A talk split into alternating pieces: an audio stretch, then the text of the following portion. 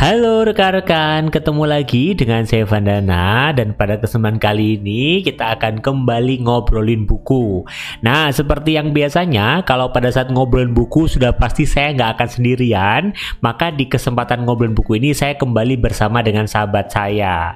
Kemarin saya sudah ngobrol dengan sahabat saya dan kita banyak bahas tentang bisnis karena beliau memang sejak zaman mahasiswa, sejak zaman kuliah sudah mulai mengelola bisnisnya sampai sebesar saat ini gitu ya. Dan dari obrolan saya dengan beliau kita ngobrolin banyak hal tentang gimana sih caranya orang itu bisa mulai berjualan, strategi seperti apa, sampai kemudian kita membahas tentang bagaimana dan apa yang perlu kita lakukan untuk kita bisa mulai bangun bisnis. Dan obrolan-obrolan kami itu terinspirasi dari buku The Power of Kepepet yang ditulis oleh Pak Jaya Setiabudi. Dan untuk itu nggak usah berlama-lama lagi, yuk kita simak obrolan kali ini bersama dengan sahabat saya tentang ngobrol ngobrolin buku.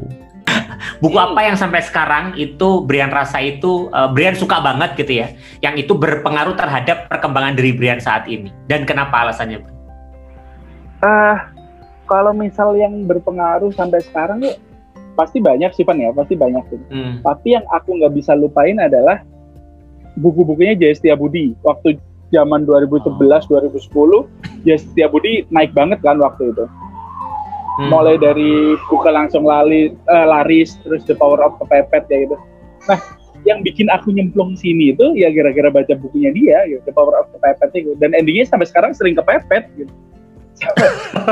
Sampai sampai aku mikir aku kalau misal dulu nggak baca buku ini mungkin aku sekarang udah kerja kantoran paling ya gitu.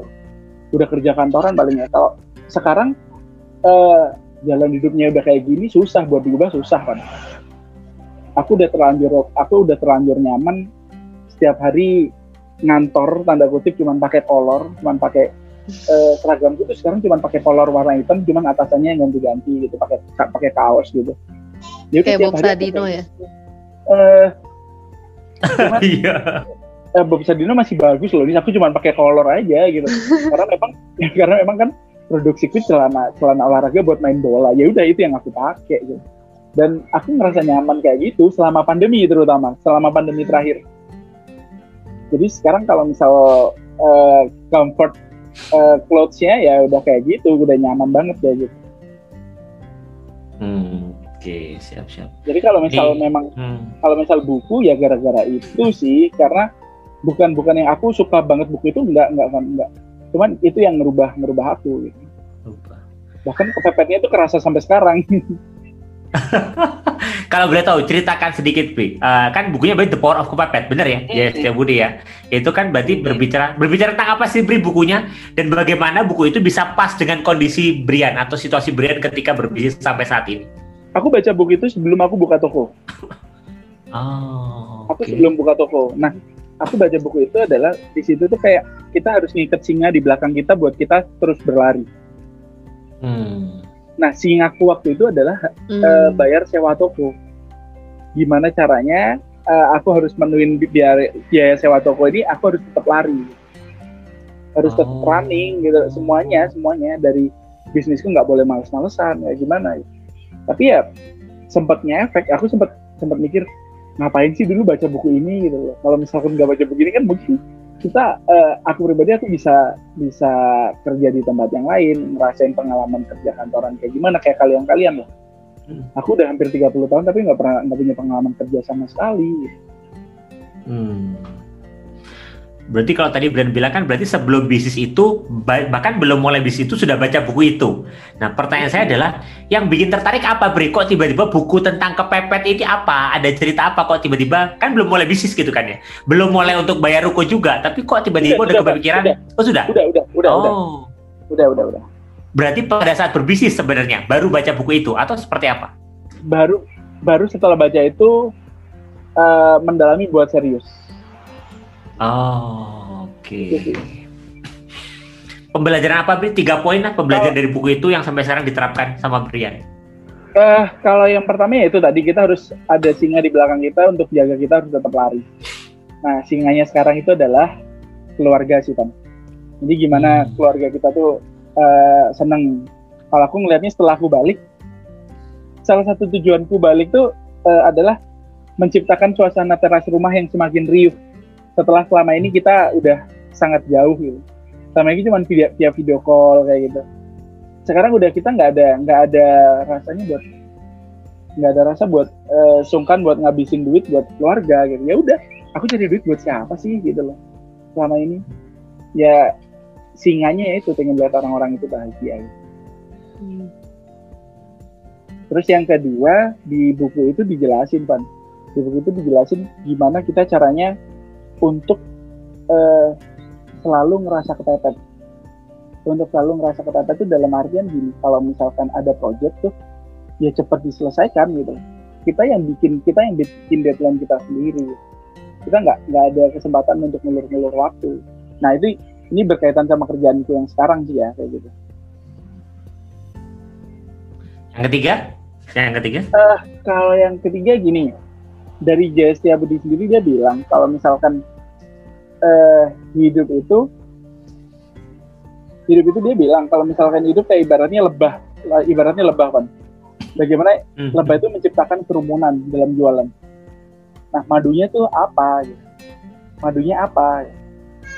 Ya hmm. kalau misalkan itu gimana kita caranya dalam setiap produk kita harus nemu madunya ini biar lebahnya pada berkerumun. Berjualan itu ada pengaruhnya dengan bakat nggak? Atau sebenarnya ada hal lain yang mempengaruhi orang itu sehingga orang itu bisa jualan?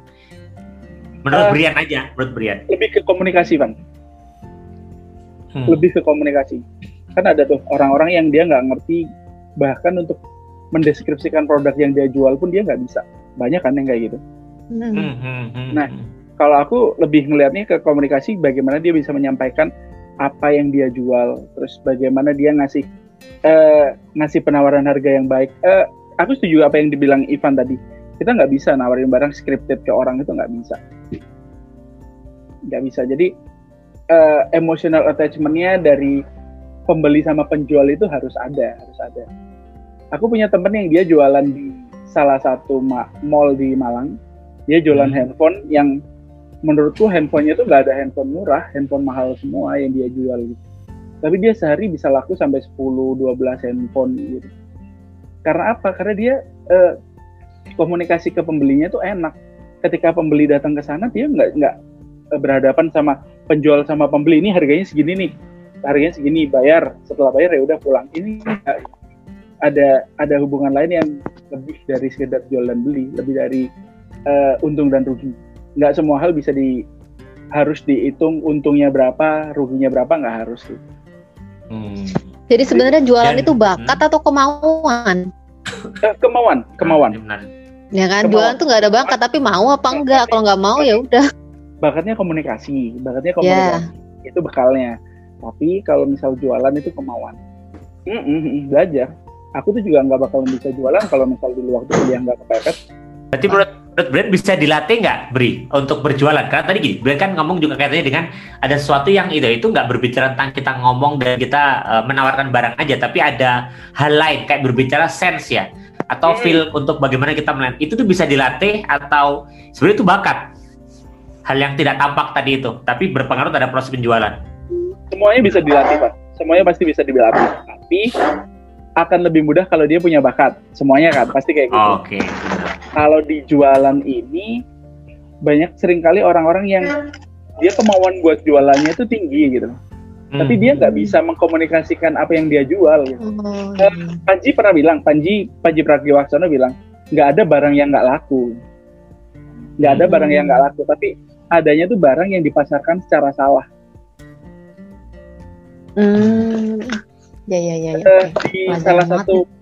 Di salah satu festivalnya ITB tahun berapa tuh? Ada yang jual dia tuh jualan uh, jual kerikil. Jual kerikil. Hmm. itu dicat warna-warni kerikil dicat warna-warni di pack yang bagus terus ikut dijual laku sebagai oleh-oleh eventnya ITB itu. Ketika ketika lapak-lapak yang lain jualan uh, jualan barang-barang yang mahal-mahal dia tuh jualan cuma jual kerikil. Kerikil di warna-warni itu sebagai souvenir event tersebut dia jualnya cuma 25 ribuan tapi dia laku banyak jual kerikil 25 ribu tuh logika dari mana gitu nggak ada barang yang nggak laku adanya barang yang tidak dipasarkan dengan baik Hmm, Oke. Okay. Tapi bagi orang yang misalkan awam nih misalkan nih uh, hmm. artinya itu kan berbicara dia harus dapat sense ya, tahu bahwa kerikil itu bisa dijual. Tapi bagi hmm. orang yang baru mau mulai bisnis itu kan kadang nggak nggak kebayang sense-nya. Wong mereka baru terjun, kira-kira harus mulai dari mana, Bri? Kalau misalkan ada orang yang baru mau mulai bisnis itu? Eh, uh, kayak Nisa sih, kayak Nisa. Lakuin apa yang kamu suka. Hmm. Lakuin apa yang kamu suka itu pasti bisa pasti bisa dapat uh, misal gini kalau misal aku suka aku suka olah, olahraga layang hmm. aku tuh bisa jualan uh, yang satu tour guide buat para layang tuh buat tandemnya itu pasti bisa terus yang kedua hmm. jual alat-alatnya itu pasti bisa kalau misal aku suka sepak bola bisa dimulai dari jual kaos kaki lah yang murah-murah gitu bisa jual uh, nanti ngerembet kita bisa jual mitok sepatu kayak gitu. itu uh, contohnya yang dari kita suka itu melatih sense-nya dari situ Kira-kira dari kita biasanya kumpul sama orang-orang apa sih? Kita kumpul-kumpul sama orang-orang apa? Kalau misal kita sering kumpul pengajian, nggak ada salahnya kok buat jual kerudung, nggak ada salahnya buat jual peci. Oh. Jadi kalau misal melatih dari apa yang kita suka dan apa yang ada di sekeliling kita.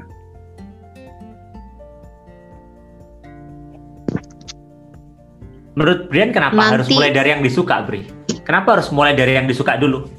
Sedangkan ada orang butuh duit kan nggak mikir saya sukanya apa, saya butuh duit gitu. Kenapa harus hmm. suka dulu hmm. sejauh ini? Untuk ini berkaitan sama product knowledge. Ah. Product knowledge. Kalau misalkan kita kita nggak suka, misal aku nih, aku ada yang ngajakin, eh ayo kita join, kita bikin bisnis, kita bisnis aspal. Hmm. Ayo, ayo gitu. Kalau misal duitnya ada, jalanin. Tapi aku kan nggak ngerti. Aku kan nggak ngerti gimana caranya uh, produksinya kayak gimana. Terus suppliernya gimana, terus aku biayanya berapa, itu kan harus ngulangin dari awal kan. Beda kalau misalkan, eh ayo mau bikin, kita mau bikin coffee shop nih gitu. Oh, ayo, hmm. uh, aku ngerti, aku biasa ngopinya di sini, menunya ini, ini, ini, ini. Itu kan lebih gampang jalannya. Oh. Lebih ke product knowledge sih, kalau misalkan apa yang kita suka itu. Meskipun uh, banyak orang jual jual secara terpaksa, apa yang dia nggak tahu, apa yang dia nggak suka, itu banyak kok yang kayak gitu banyak orang orang jual orang jual nasi goreng yang dia jual nasi goreng itu bukan karena dia bisa masak kok karena dia butuh ekonominya buat berputar jadi dia apa benar. yang uh, harus dia lakukan ya dia lakukan tapi benar, benar. Uh, ngerti nggak sih ngerasa nggak sih ada orang yang jualan jualannya ini pakai hati jadi kita bisa ngerasain kan bagaimana orang-orang yang di dagangannya tuh orangnya kayak uh, cuman sekedar ya aku butuh duit nih dari sini, aku butuh hidup dari sini. Benar. Sama orang-orang yang jualan memang, wah uh, Mas ini, Mbak ini suka di bidang ini gitu.